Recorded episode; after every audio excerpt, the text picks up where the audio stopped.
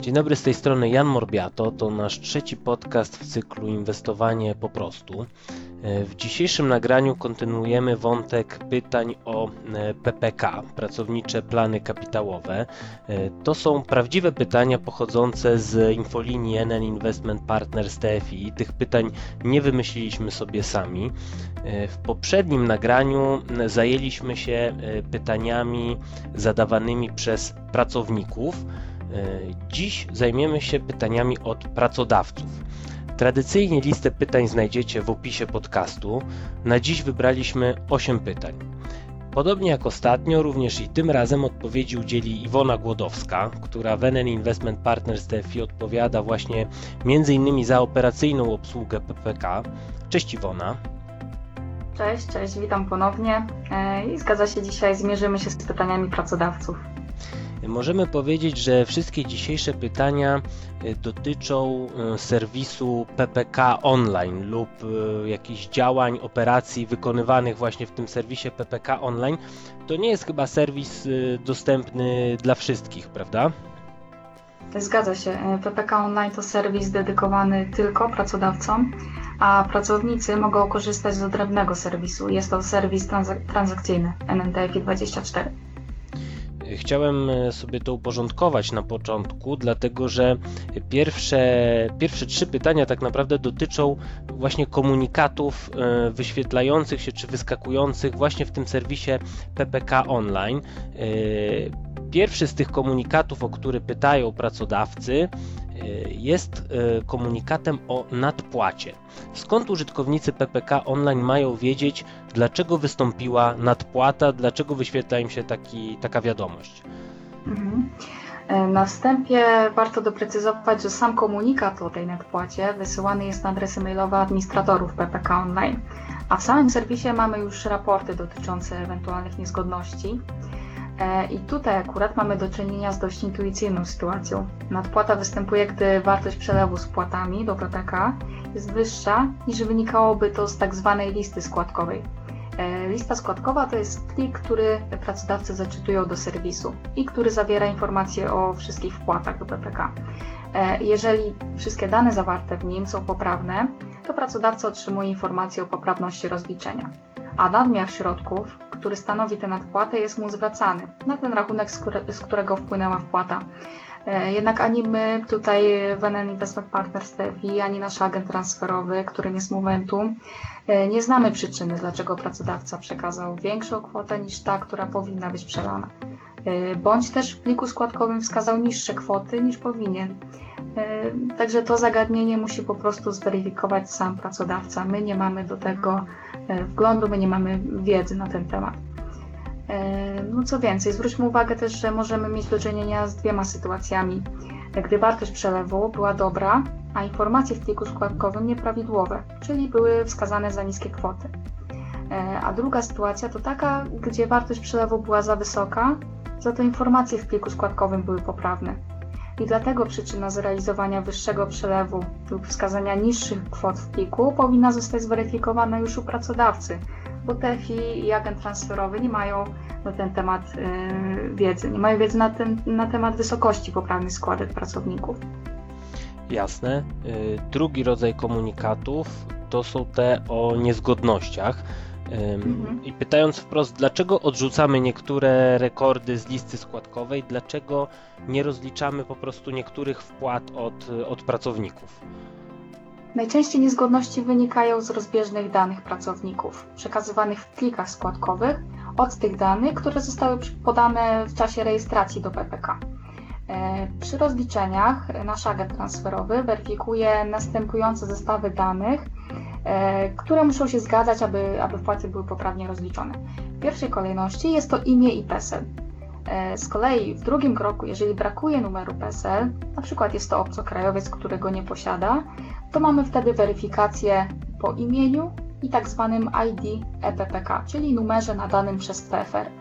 Natomiast jeżeli brakuje ID EPPK, ponieważ nie jest obowiązkowy do przekazywania, to wtedy weryfikujemy po imieniu i dokumencie tożsamości.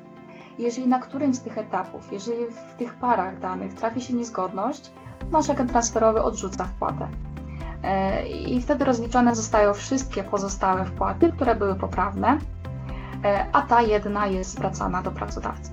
E, Oczywiście pracodawca ten jest o tym informowany w specjalnym komunikacie oraz dodatkowo w raporcie umieszczanym w PPK Online. I w tym komunikacie do pracodawcy podana jest przyczyna odrzucenia wpłaty. E, I na przykład, jeżeli e, są to niezgodne dane lub brak uczestnika w bazie, to pracodawca powinien sprawdzić, czy zgłosił tego pracownika do PPK i czy dane, które były w pliku składkowym, są zbieżne z tymi właśnie danymi, z którymi zgłosił e, tego pracownika. Powstaje też pytanie, skąd wiadomo, z jakimi danymi pracownik został zapisany do PPK, jak do tego wrócić, jak to sprawdzić.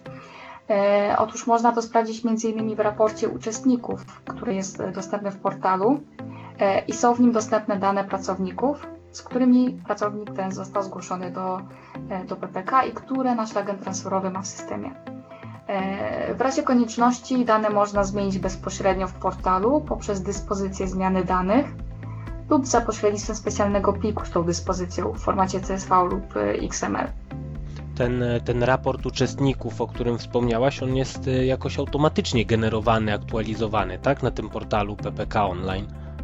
E, Trzeba jakby wymusić generowanie tego raportu, czyli e, wystarczy wejść w zakładkę Wygeneruj raport, a następnie wybrać listy raportów e, właśnie raport uczestników. Alternatywnie można również zajrzeć do pliku rejestracyjnego, który znajduje się w historii przesłanych plików, o ile w międzyczasie nie następowały żadne zmiany danych. Okej. E, Pytanie numer 3. Skąd się bierze komunikat o anulowaniu listy składkowej lub o zwrocie przelewu z wpłatami? E, W tym przypadku najczęstszą przyczyną jest spora rozbieżność e, czasowa między terminem wysłania przelewu ze składkami i samej listy składkowej. W celu jak najsprawniejszego rozliczenia składek pracodawca powinien wysłać plik i przelew najlepiej w tym samym dniu. E, W praktyce my czekamy 5 dni na dosłanie brakującej części, czyli e, przelewu, jeżeli dostaliśmy plik, lub pliku, jeżeli dostaliśmy przelew. E, Dodatkowo jeszcze wcześniej, bo po dwóch dniach wysyłamy przypomnienie. Są to dwa dni od momentu otrzymania listy składkowej lub przelewu. Jeżeli jednak to nie poskutkuje, no to po pięciu dniach anulujemy listę składkową. Jeżeli nie dostaliśmy przelewu lub odsyłamy, odsyłamy przelew, jeżeli nie dostaliśmy listy. I z czego to wynika? No, PPK to masowy produkt. E, Są to setki pracodawców i setki tysięcy pracowników i przy takiej skali e, automatyzacja rozliczeń jest konieczna, żeby to wszystko mogło sprawnie działać, działać stąd e, właśnie wprowadzenie mm, takiej automatyzacji i anulowania i zwracania przelewów po tych pięciu dniach. Jasne. Pytanie numer 4. Skąd mam wiedzieć, czy zaczytał się plik z aktualizacją danych? Odpowiedź jest e, dość prosta. Jeśli plik został pomyślnie przesłany przez portal, o czym informuje komunikat i dodatkowo plik znajduje się w historii plików przesłanych do portalu, to znaczy, że został zaczytany i następnego dnia po tym zaczytaniu w portalu powinny się pojawić zaktualizowane dane pracownika. E, Natomiast jeżeli okazał się błędny, e, już na późniejszym etapie, czyli na tym etapie zaczytywania do systemu głównego agenta transferowego, bo na przykład dane pracownika zostały podane źle, e, no to wtedy dyspozycja aktualizacji danych będzie widniała w raporcie odrzuconych zleceń, a co za tym idzie, dane pracownika w portalu nie zaktualizują się. Piąte pytanie, takie bardzo pragmatyczne. Yy, Skąd mam wiedzieć, czy plik składkowy, który przesłałem, przesłałam, zostanie rozliczony? E, Informacja, czy plik składkowy rozliczy się w całości, zdana jest dopiero na etapie zaczytywania go do systemu głównego agenta transferowego. E, Jeżeli wszystko jest ok, czyli dane były zgodne, e, to pracodawca zostanie poinformowany komunikatem mailowym o tym rozliczeniu. Jeżeli natomiast pojawią się niezgodności, to pracodawca dostaje odpowiedni komunikat, również informujący o tych niezgodnościach. E, I tu warto przypomnieć to, co już sobie powiedzieliśmy wcześniej. Nawet poprawny plik składkowy zostanie rozliczony wyłącznie pod warunkiem, że będzie mu towarzyszył przelew ze składkami, który pokryje e, sumę wpłat z tego pliku. Jeżeli po pięciu dniach od przesłania tego pliku składkowego nie dostaniemy przelewu z płatami, no to plik składkowy nie zostanie rozliczony, nawet jeżeli był poprawny. Szóste pytanie, moim zdaniem najbardziej skomplikowane. Może, może na jakimś przykładzie uda Ci się je dobrze wytłumaczyć. Jak dokonać korekty składek? Okej. Em, To tutaj w przypadku stwierdzenia nadpłaty składek do PPK, a nadpłata tym razem wynika z tego, że e, wystąpił błąd w naliczeniach, na przykład błąd w naliczeniach po stronie pracodawcy i została naliczona za wysoka składka.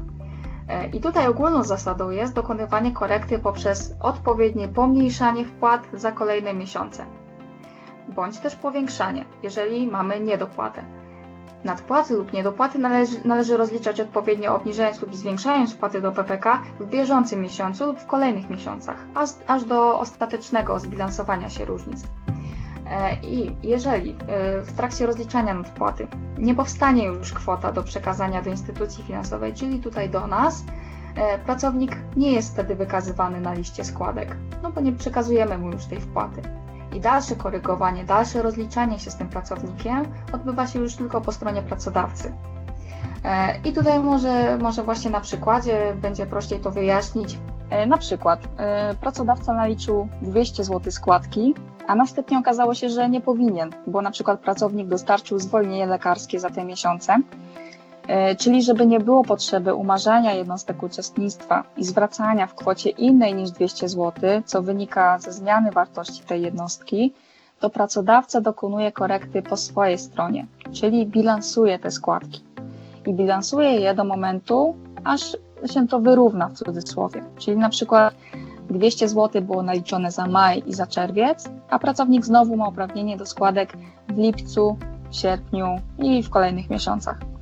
E, I właśnie w tych miesiącach, w lipcu, w sierpniu, gdzie, gdzie pracownik może mieć już naliczane wpłaty, to pracodawca nie przesyła nam składek za te miesiące e, lub przesyła odpowiednio e, pomniejszone. I, do, I dzieje się tak, dopóki te nadpłacone kwoty nie zbilansują się. I na przykład, jeżeli pracownik jednak nie osiąga już wynagrodzenia, e, a składka została już przekazana i nie ma tak naprawdę już teraz z czego naliczać tej składki, to wtedy wchodzimy w proces korekty, czyli umarzamy jednostki uczestnictwa na podstawie pliku XML lub CSV, czyli tak zwanego pliku korekty. I wtedy zwracamy wskazane kwoty nadpłacone w wartości odpowiednio wyższej lub niższej, w zależności od tego, jaka jest teraz wartość jednostek uczestnictwa. Natomiast nie jest już to wartość nominalna. I właśnie dlatego lepiej jest dokonywać, e, dokonywać tej korekty najpierw po stronie pracodawcy, czyli mamy wtedy to bilansowanie składek, a później już w ostateczności proces umarzania i zwracania e, już rozli- rozliczonych składek. Myślę, że ten mechanizm dobrze wytłumaczyłaś, ale jakbyś jeszcze wytłumaczyła, czym się różni ta nadpłata, o której mówiliśmy teraz, od tej nadpłaty z tego pierwszego pytania. Czy, Mhm, czy w pierwszym pytaniu mówiliśmy jakby o nadpłacie na poziomie wszystkich pracowników całego pliku składkowego, a tu chodziło o pojedynczego pracownika, pojedynczy rekord, czy jaka jest różnica? E, Tak, w pierwszym przypadku mieliśmy do czynienia z nadpłatą, która wynikała po prostu ze zbyt wysokiej kwoty składek przelanej na, na nasz rachunek, a tutaj mamy sytuację e, z, z naliczeniem już składki dla konkretnego pracownika, która jest jakby naliczona w zbyt wysokiej wysokości, czyli to jest ta nadpłata tej składki. Jasne. E, Pytanie numer 7. Dlaczego nie zaczytały się rezygnacje? Mhm. Informacja o rezygnacji pojawia się w portalu pracodawcy w trzech miejscach. E, Mamy ją na ekranie głównym w odpowiedniej kolumnie, na liście pracowników w kolumnie status rezygnacji, e, mamy ją w raporcie uczestników oraz w raporcie zleceń. I ta informacja powinna się pojawić w tych trzech miejscach e, dzień po zaczytaniu rezygnacji. Jeżeli ta informacja nie pojawia się nigdzie, to prawdopodobnie dane pracownika zgłoszeniu rezygnacji e, w pliku nie zgadzają się z danymi pracownika, które mamy w systemie agenta transferowego i dlatego też ta rezygnacja nie została zaczytana. E, Ostatnie pytanie, pytanie numer 8. E, Dlaczego zmian wprowadzanych do PPK online nie widać od razu? Tak, e, zmiany te nie są widoczne na bieżąco, e, ponieważ eksport do systemów internetowych odbywa się po nocnym przetworzeniu bazy u agenta. Dlatego też wszystkie zmiany są widoczne następnego dnia po ich wprowadzeniu. Okej. Iwona, nie mam więcej pytań. Dziękuję, że po raz kolejny zgodziłaś się wziąć udział w nagraniu i odpowiedzieć na pytania o PPK e, nurtujące naszych klientów. To wszystko na dziś. Dzięki. Dziękuję, dziękuję również i mam nadzieję, że ten materiał będzie pomocny. E, Moim gościem była Iwona Głodowska z NN Investment Partners TFI. Ja się nazywam Jan Morbiato i zapraszam do kolejnego podcastu z serii Inwestowanie po prostu lub do finansów po godzinach, jak zwykle w ostatni poniedziałek miesiąca. Do usłyszenia.